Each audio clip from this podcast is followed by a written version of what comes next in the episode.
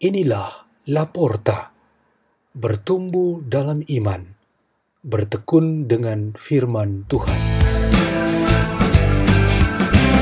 Dibawakan oleh Petrus Herwan Gozali dan Maria Sisilia Reni, pasutri dari Gereja Santo Yohanes Bosco, Paroki Danau Sunter, Keuskupan Agung, Jakarta.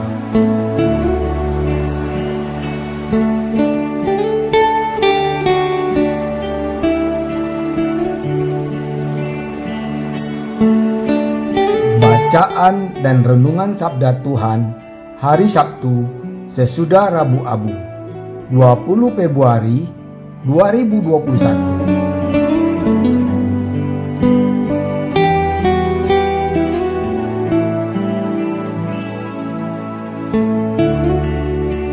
Inilah Injil Tuhan kita Yesus Kristus menurut Lukas. Sekali peristiwa Yesus melihat seorang pemungut cukai yang bernama Lewi sedang duduk di rumah cukai. Yesus berkata kepadanya, "Ikutlah aku." Maka berdirilah Lewi dan meninggalkan segala sesuatu, lalu mengikut dia. Lalu Lewi mengadakan suatu perjamuan besar untuk Yesus di rumahnya. Sejumlah besar pemungut cukai dan orang-orang lain turut makan bersama-sama dengan dia.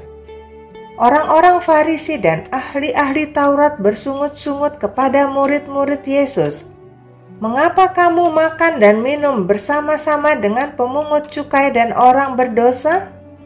Lalu jawab Yesus kepada mereka, "Bukan orang sehat yang memerlukan tabib, tetapi orang sakit."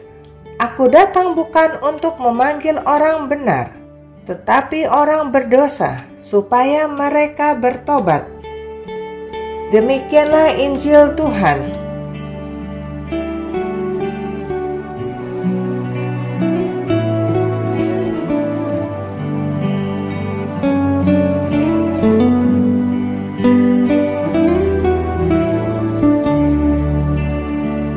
Tema renungan kita pada hari ini ialah puasa berbuah pembaruan. Kemarin kita diterangi dalam renungan bahwa puasa kita di dalam masa prapaskah ini dilakukan melalui beramal dan berdoa. Ini merupakan cara-cara kita berpuasa. Lalu hal berikut yang amat penting ialah sebenarnya apa yang dihasilkan melalui perbuatan berpuasa, renungan hari ini menerangkan kita bahwa salah satu buah penting sekali dari berpuasa ialah suatu pembaharuan hidup. Nabi Yesaya mengatakan bahwa orang yang berhenti menyusahkan dan menyakiti sesamanya, lalu berbalik untuk berbuat baik dan beramal kasih kepada sesamanya itu, pembaharuan yang ia peroleh adalah Tuhan Allah berkenan kepadanya. Tuhan akan menuntunnya senantiasa. Tuhan akan memuaskan semua kepentingannya untuk menjadi bahagia dan selamat di dalam kehidupannya. Pembaharuan ini berkaitan dengan kehidupan rohaninya yang berkembang di mana hubungannya dengan Tuhan ialah dalam suatu keterikatan yang menyatu. Dasarnya ialah karena ia melakukan semua perbuatan Tuhan sendiri. Yang digambarkan oleh Yesaya ini terungkap dengan sangat jelas dalam pengalaman orang-orang yang mengalami sendiri hidup dan bekerja bersama Yesus Kristus. Kita semua yang berada di dalam gereja saat ini juga dalam situasi yang berbeda-beda memiliki pengalaman ini terlebih-lebih selama masa prapaskah ini. Kita ingin memantapkan dan memperkuat hubungan kita dengan Tuhan untuk semakin terikat menyatu. Syaratnya ialah bertahan dalam iman dan kesetiaan menjadi murid-murid Tuhan yang baik seperti para rasul. Pembaruan hidup yang kuat akan berbuah pada pertobatan. Tanda orang bertobat ialah mereka yang meninggalkan kehidupan lamanya dalam kegelapan dosa dan memilih kehidupan baru di dalam Tuhan.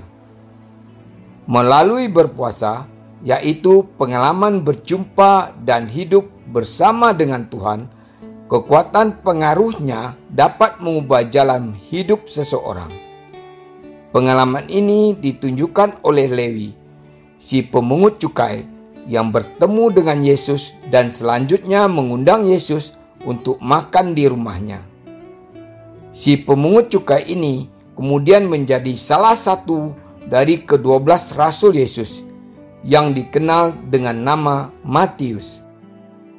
Jika puasa dalam masa prapaskah ini belum menunjukkan tanda-tanda akan pertobatan di dalam diri Anda, keluarga, dan kelompok Anda, memasuki minggu pertama prapaskah, kiranya dapat dibuatkan suatu perencanaan dalam menata kehidupan baik pribadi maupun bersama Perencanaan itu mesti dapat dikonkretkan untuk suatu pertobatan yang dapat diwujudkan. Marilah kita berdoa. Dalam nama Bapa dan Putra dan Roh Kudus. Amin. Ya Allah, Maha Rahim, terangi perjalanan hidup kami pribadi dan bersama di dalam masa perpaskah ini sehingga kami berjalan di dalam terang untuk pertobatan kami Kemuliaan kepada Bapa dan Putra dan Roh Kudus, seperti pada permulaan, sekarang, selalu, dan sepanjang segala abad. Amin. Dalam nama Bapa dan Putra dan Roh Kudus. Amin. La porta, la porta, la porta.